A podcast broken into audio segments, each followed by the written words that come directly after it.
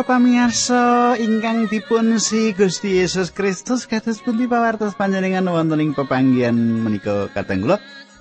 Menapa panjenengan saya-saya kemawon inggih pandonga kula panjenengan tansah pinayungan dening Gusti Allah ingkang murping jagat. Tangsa pinanggih rahayu makaten kula kados padatan badhe sesarengan kalian panjenengan wonten ing salebetipun adicara margi utami adicara ingkang sampun panjenengan tenggu-tenggu. Lan panji adicara margi utami menika kula aturaken dhateng panjenengan. Panjenengan ingkang remen gegilut pangandikanipun Gusti, remen sinau kaikusan pangandikanipun Gusti awit ingkang badhe kawula andharaken menika inggih menika magepokan kalian kawruh kasukman saking kitab suci kita menika. Sugeng midhangetaken adicara menika.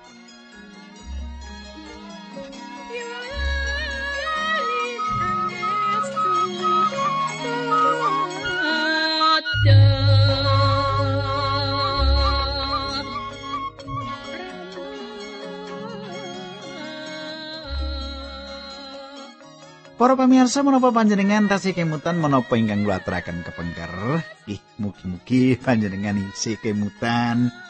Panjenengan nyateti inti-intinipun menapa ingkang kula andharaken makaten nggih. Saya menawi kula aturaken dhateng panjenengan reringkesanipun menapa ingkang kula andharaken duk pepanggen kita ingkang kepengker. Para pamirsa, ing pepanggihan kepengker kita sampun nyemak kados pundi Petrus lan Yohanes dipunagem Gusti kangge dados seksi lan martosaken pangandikanipun Gusti nggih. Petrus kalian Yohanes. Lajeng kita terusaken malih wonten ing pepanggihan menika nanging sadèrèngipun kita nyemak kelajengenipun kita ndedonga langkung rumiyin supaya dituntun ditulung kalian Gusti nanging sadèrèngipun kula ndedonga kula tak ngaturaken salam rumiyin nggih. Salam dateng Bapak Kristanto Hadi. Bapak Kristanto Hadi menika wonten dusun Ciklopo. Ciklopo RT-nipun sekawan nggih. Terus LB-nipun pitu nggih. Terus pundi Pak Kristanto Hadi? Kabar panjenengan? Saya saya to nggih. Kalian Bapak Warsono menika Karangsari nggih. Caket kalian kula. Nggih. nah, sugeng midhangetaken Bapak Kristanto Hadi, Bapak Warsono nggih. Monggo kita tumungkul kita ndedonga. Duh Kanjeng Rama ing swarga kawula ngaturaken gunging panuwun menawi wekdal menika kawula saged tetunggilan kalian sedherek kawula lan kawula badhe belajar badhe sinau kayektosanipun pangandikanipun Gusti. Kawula Nyuwun dipun tuntuni Gusti linambaran asmanipun Gusti Yesus kawula netunggal haleluya amin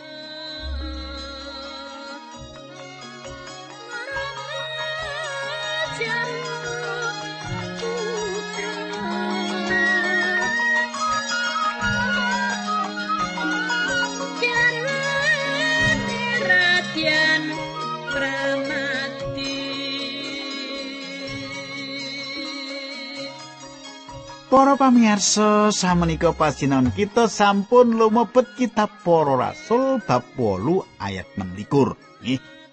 Ah, pasinaone nyelot maju, nyelot maju.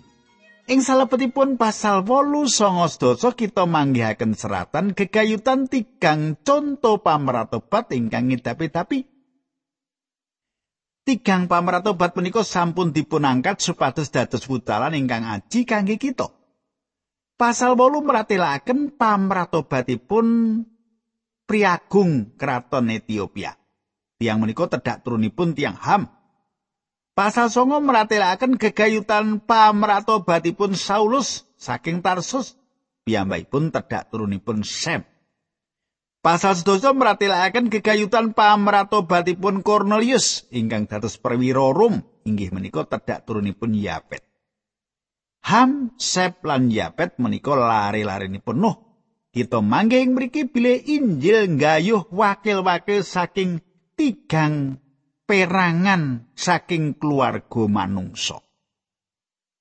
Kadang kula wonten tigang perkawis ingkang kedah dipun utamekaken saderengipun dumadosipun satunggalipun pamratobat. Tigang perkawis menika cetha sanget dipun tingali ing salebetipun tigang conto pamratobat menika. Angka setunggal pakaryanipun Sang Roh Suci. Sang Roh Suci sampun nuntun Filipus dhateng Samaria ing mriku dumados gerakan Roh Allah ingkang ageng. Salajengipun Sang Roh Suci nuntun piyambakipun dhateng Gasa lan sepindah malih kita nyemak pakaryanipun Sang Roh Suci ing manahipun pegawi keraton saking Ethiopia. priagung kraton saking Ethiopia. Sang Roh Allah sampun kisah ngrumiyini kangge nyiapaken manah lan ugi nyiapaken tiang ingkang dipun utus. Pimpinan Sang Roh Suci Allah saestu penting. Kula pitados bilih kita kedahipun matur dumateng Gusti gegayutan tiang ingkang saderengipun kita jak rembakan bab Gusti. Mboten ateges kita namung betahaken Sang Roh Allah kangge mimpin kita, menapa ingkang kita betahaken inggih menika supados Sang Roh Allah saged makarya ngrumiyini kita nyawisaken margi salajengipun nimbali kita ing papan Sang Roh menika mapan. Kita kekajengan kisah dateng papan ing pundi Sang Roh makarya.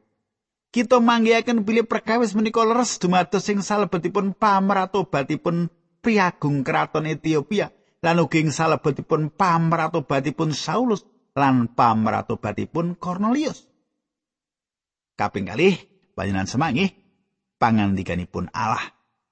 Pangandikanipun Allah. Rum sedoso ayat pitulas. Dadi pracaya kuwi tukule merga krungu pawarta lan pawarta mau piwulang bab Sang Kristus. Sang Roh Suci badhe nuntun perkawis-perkawis kegayutan Sang Kristus lan meratelaken dumateng tiyang. Inggih menika Sang Roh Suci ingkang ginakaken pangandikanipun Allah. Lan temtu kemawon kedah wonten sawijining sarana manungsa minangka ingkang dados lantaran. Gitu? Lantarane kula, gitu. Lantarane panjenengan, gitu. Nah, kaping tiga abdi Allah. Sang Roh Allah ginakaken abdi Allah ingkang lantaraken pangandikanipun Allah. Kanthi makaten ngasilaken putra Allah. Tiang ingkang dipun lahiraken malih. kita badhe nyemak perkawis menika ing salebetipun seratan pamratobat pegawe keraton utawi punggawa keraton priagung keraton Ethiopia menika nggih Salajengipun pamirsa perangan kaping kalih saking pasal 8 nuntun kita dumateng perangan kaping kalih saking peladosanipun Filipus. Injil sampun ngantos Samaria lan wonten kathah tiang pitados ingkang sejatos. Nanging kita ugi nyemak bilih ing Samaria patrap awon mlebet ing salebetipun gereja inggih menika ing salebetipun Simon si tukang sihir. Samenika minangka lelawanan kekaitan Simon si tukang sihir kita nyemak pengalaman Filipus kalian pegawai keraton saking Ethiopia. Filipus mimpin tiang menika dumateng Sang Kristus lan piyambakipun dados tiang pitados sejatos satunggalipun abdi Allah ingkang ngidapi-dapi. Para rasul 8 ayat 6 makaten surasipun. ana malaikate pangeran ngendika marang Filipus kowe toto-toto lan lunga mangidul menyang dundunan dalan sing saka kutha Yerusalem menyang kutha Gaza. Dalan maut dalan mati. Kadang kula Samaria inggih menika satunggalipun lelatan ingkang mapan wonten ing sisih ler Yerusalem. Samenika Filipus dipun dawuhi supados lumampah ngurut margi dateng kidul. ingkang kita mangertos inggih menika margi Gaza ingkang mapan ing sisih kidul sadawanipun Timur Tengah. Margi menika kangge margi dedagangan tumuju ing Mesir lan Ethiopia. Piyambakipun saged ugi nglumampah nglewati Yerusalem supados dumugi wonten ing mriku. Filipus sampun nglantaraken Injil dumateng tiyang ing Samaria lan samenika piyambakipun dipun utus tumuju dhateng satunggalipun ora-ora samud. Jepi panjenengan semak para rasul 8 ayat 17 nganti 28. Filipus toto-toto nuli mangkat nalika semono ana wong Ethiopia punggawa keraton duwe tanggung jawab jaga kaputren lan ngurus bandane sang putri Kandake ing negara Ethiopia. Priagung mau lagi wae bali saka nindakake pangibadah ing kutha Yerusalem. Nalika semono lagi numpak kereta karo maca kitabe Nabi Yesaya. Kadang kula ingkang kula tresnani tiang Ethiopia menika nyepeng kalenggahan dados ingkang ngurus bandanipun sang putri. Piyambakipun menika menteri keuangan. Piyambakipun menika satunggalipun priagung ingkang gadah kalenggan inggil. Piyambakipun boten melampah piyambakan. Piyambakipun gadah kata abdi lan bawahan ingkang nderek sesarengan piyambakipun. Piyambakipun gadah kursir pribadi lan saweg ngraosaken kaendaning salebetipun melampah-melampah. Piyambakipun menika warga negari Ethiopia, nanging piyambakipun sampun dumugi ing Yerusalem sak perlu ngibadah menika meratelaken bilih piyambakipun menika tiyang ingkang enggal mlebet satunggal agami enggal inggih menika Yudaisme. Piyambakipun nembe kemawon saking Yerusalem punjering agama Yahudi. Sinaosa Yudaisme inggih menika agama ingkang dipun warisaken Allah. Piyambakipun sawek nilaraken kita menika kanthi pikiran ingkang boten mangertos. Piyambakipun sawek maos perangan saking kitab Yesaya nanging piyambakipun boten paham mananipun. Ayat 29. Filipus nuli kedawan dening Roh Suci kowe nyedak ana kreta kuwi.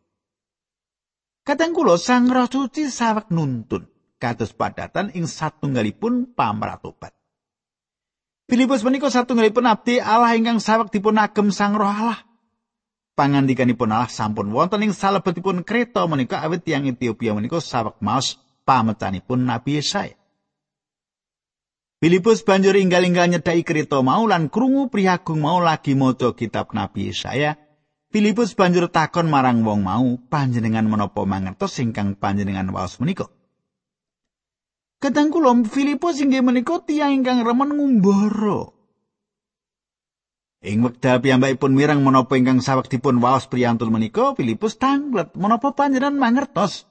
Menapa ingkang saweg panjenengan waos? tiang Ethiopia menika mboten mangertos. Dados tiang Ethiopia menika ngendhekaken kretanipun lan ngaken Filipus supados minggah ing kretanipun. Kula wasaken para rasul 8 ayat 31 nganti 33 wangsulane priagung mau. Kados pundi anggen kula saged mangertos menawi mboten wonten tiang ingkang nerangaken dhateng kula. Priagung mau nuliakon Filipus munggah ing kreta lan lungguh ing sandingi. Ana dene ayat sing diwaca dening priyagung mau surasane mengkene panjenengane kaya wedhus sing arep disembelih. Lan kaya tempe bisu sing ora nyuwara ning ngarepe wong sing guntingi wulune kaya mengkono enggone panjenengane ora kumecap. Panjenengane diasorake sarta ora ana keadilan kapatrapake kagem panjenengane. Nyawane dipundhut saka ing bumi mulane ora ana wong sing bakal nyritakake asal usule. Kadang kula ingkang kula tresnani, dateng pundi arah pemaosanipun? Panjenengan badhe mangertos bilih pamaosanipun menika kabandet saking pasal 53 kitab Yesaya. Tiang menika sawek maos ayat pitu lan wolu cetha piyambakipun sampun maos ayat menika sawetawis wekdal. Ayat 3 sekawan. Priagung mau nuli takon marang Filipus kula nyuwun pirsa sinten ingkang dipun ngendikaken dening nabi menika.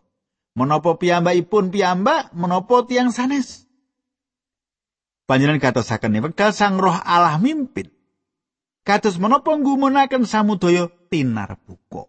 Panjenenganipun badhe nuntun perkawis-perkawis gegayutan Sang Kristus lan nyetaken. Para Rasul 8 ayat 3 dosa kangsa. Miwiti saka ayat kuwi Filipus nulis nyritakake Injil Gusti Yesus. Katang kula ingkang kula tresnani. Sang Roh Suci badhe ngginakaken pangandikanipun Allah. Kula mboten pitados bilih tiang saged mertobat kanthi mirengaken satunggal nyanyian. Nyanyian menika saged ugi wonten daya pengaruh dumateng satunggal tiang secara rasa lan gadah daya pengaruh ing kekajenganipun ngantos damel putusan nampi Gusti Yesus. Lan menawi pangandikanipun alam mboten wonten ing salebetipun nyanyian menika pramila mboten badhe wonten pamratobat ingkang saestu. Pamratobat mbetahaken pangandikanipun Allah kados menapa pentingipun perkawis menika.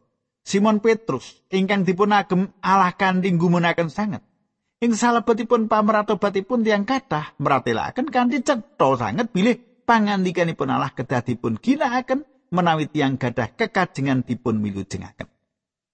Menawi tiang gadah kekajengan dipun milujengaken pangandikanipun Allah kedah dipun ginakaken.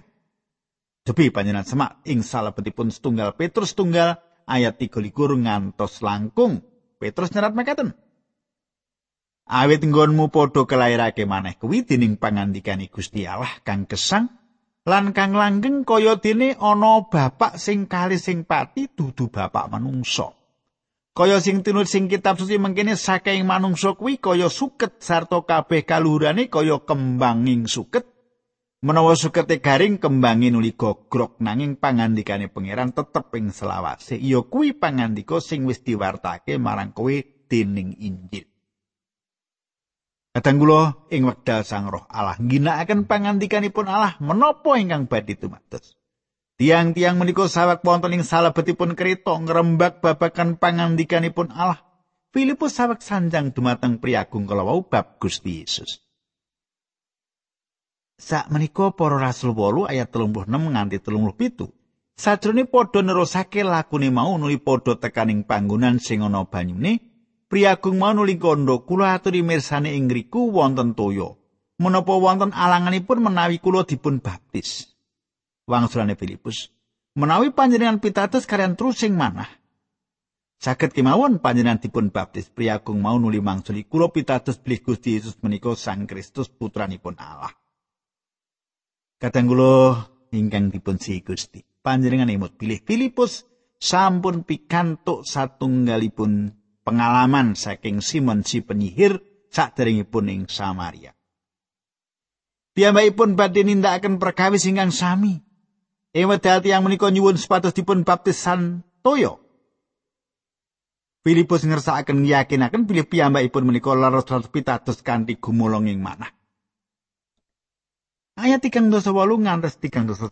Priagung mau nuli dawuh ngendhekake kretane, wong loro mau Filipus lan Priagung nuli padha mudhun ning banyu, Filipus banjur mbaptis Priagung mau.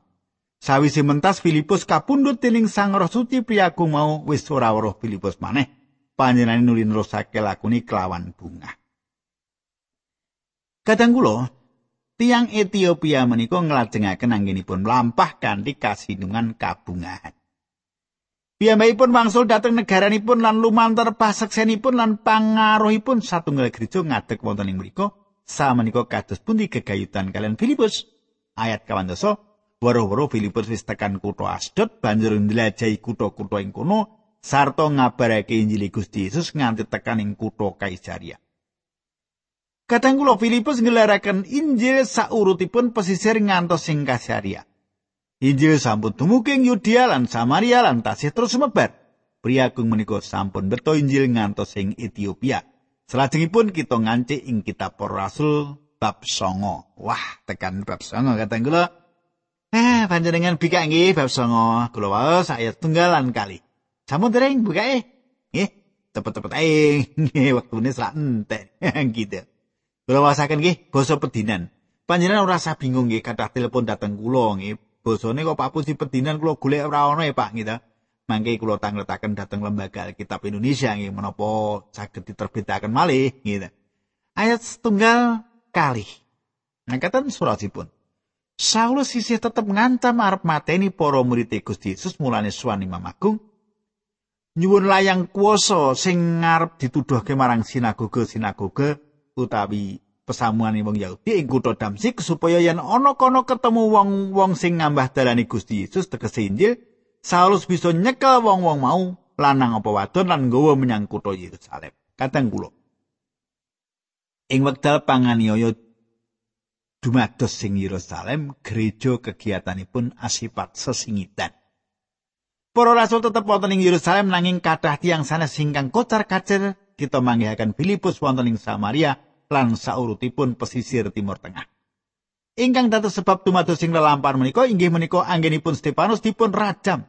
Salajengipun dipun terusaken panganiaya dumateng tiang pitados para pemimpin agama ing Yerusalem rumaos lego sesapunipun saged nundung tiang Kristen medal saking Yerusalem. Para pemimpin menika langkung remen ningali perkais menika ngantos dumugi semanten kemawon. Nanging tumrapipun Saulus saking Tarsus mboten kados makaten. Inggih piyambakipun ingkang nindakaken ancaman lan raja pati. Saulus sengit dumateng Gusti Yesus Kristus. Manut kula, Gusti Yesus Kristus mboten nate gadah mengsah hangi tapi-tapi kados dene Saulus saking Tarsus menika. Piyambakipun kesat dumateng Imam Agung lan nyuwun serat wewenang surat poso ingkang dados masalah utaminipun inggih menika piyambakipun gadah tujuan buru tiang-tiang Kristen. Dateng pundi kemawon tiang-tiang Kristen menika kesah diburu. Sasaranipun inggih menika supados tiang Kristen menika sirna. Sirna. Wah. Paulus nggih, Rasul Saulus. Dereng Rasul nika nggih. Saulus nggih. Ayat 3 sekawan bab 9. Sajroning mlaku menyang kutha Damsik mau ora ada saka kutha kono dumadaan ana cahya cumlorot saka ing langit nlorong Saulus. Saulus tiba banjur krungu swara mengkene Saulus Saulus yo kene kowe nganiaya marang aku. Kateng kula ingkang kula tresnani.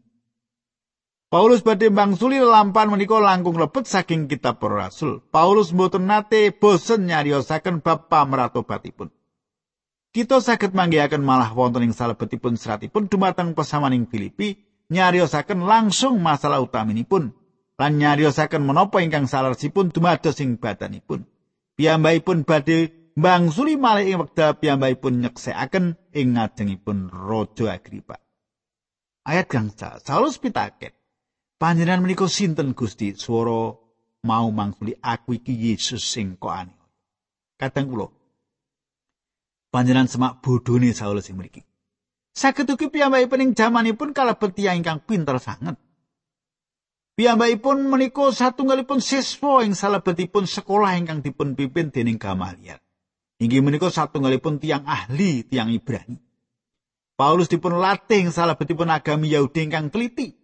Nanging piyambakipun boten tepang Gusti Yesus Kristus. Panjenengan menika sinten Gusti? Wanuh panjenenganipun menika ateges panjenengan badhe pikantuk gesang langgeng.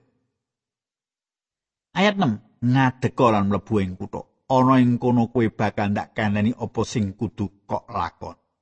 Kadang kula Saulus wonten ing margi ing wekdal piyambakipun kisah dateng Damsik.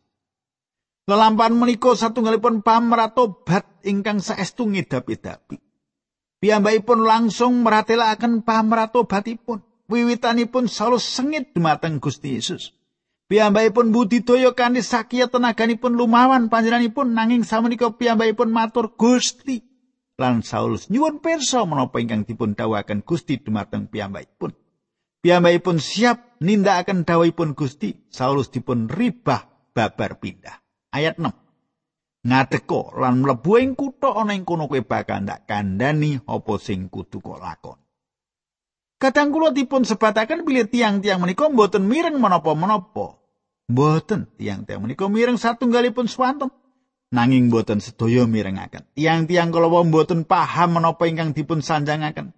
Mboten mlebet ing nalaripun. Tiang-tiang menika mboten ningali sinten-sinten. Mboten wonten satunggal kemawon ingkang ningali.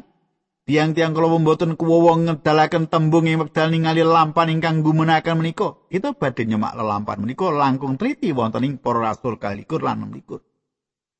Ayat 8 lan Saulus nuli ngatek. Nanging bareng ngelekake mripate ora weruh Saulus nuli dituntun mlebu ing kutha Damsik. Nganti telung dina lawase Saulus ora bisa ndeleng sarta ora mangan lan ora ngombe. Kadang kula Saulus mripatipun wuta awit cahaya ingkang dipun tingali saking swarga. Piyambakipun rumaos kami tenggengen sanget kados kathah tiang ingkang nate nglampahi. Wonten saperangan tiang ingkang lincak-lincak ing wedha mertobat ingkang sanes bengok awit ta sukarna. Nanging menawi Saulus saking Tarsus mboten Mboten wonten tiang setunggal kemawon ingkang bingung kados dene piyambakipun nanging piyambakipun manggihaken jawabanipun. Depi panjenengan Semak ayat 10 ngantos 12 nggih. Para Rasul bab 9. Ing kutha Damsik ana murid Gusti Yesus jenenge Ananias. Ananias mau didhawuhi dening Gusti Yesus ing sajroning impen. Dawi Gusti Yesus Ananias wangsulane Ananias kawula Gusti Gusti Yesus nuli ngendika, "Toto-toto lan lunga menyang dalan sing aran dalan lenceng. Jujuku omahe Yudas ing kono ana wong saka kutha Tarsus jenenge Saulus, wong kuwi lagi ndedonga." Lan sajroning pangimpen salus mau weruh wong aran Ananias teka numpangi tangan supaya bisa ndeleng maneh. Kadang kula Saulus saking Tarsus, pemuda ingkang pinter sanget sawek lenggah ing salebetipun pepeteng lan bingung. Sang roh Allah ngerawi priyantun jaler lan ngutus tiang jaler menika mangi Saulus saking Tarsus. Hai kadang kula kados pundi kelajenganipun kita badhe nyemak dinten candhaipun malih wektune saiki wis ora nyandak. Panjenengan rasa gelo mangke dinten tandhaipun kula badhe lajengaken Samenika monggo kita ndedonga. Kanjeng Rama matur nuwun sanget tini kawula sampun sinau. Sak tepak sak pecak pangertosan pangandikan patuko mugi Sang Roh Suci medhar kanthi wijang dumateng sedherek kawula menika. Kawula pungkasi kanthi asmanipun Gusti Yesus Kristus ingkang dados juru wilujeng kawula. Haleluya. Amin.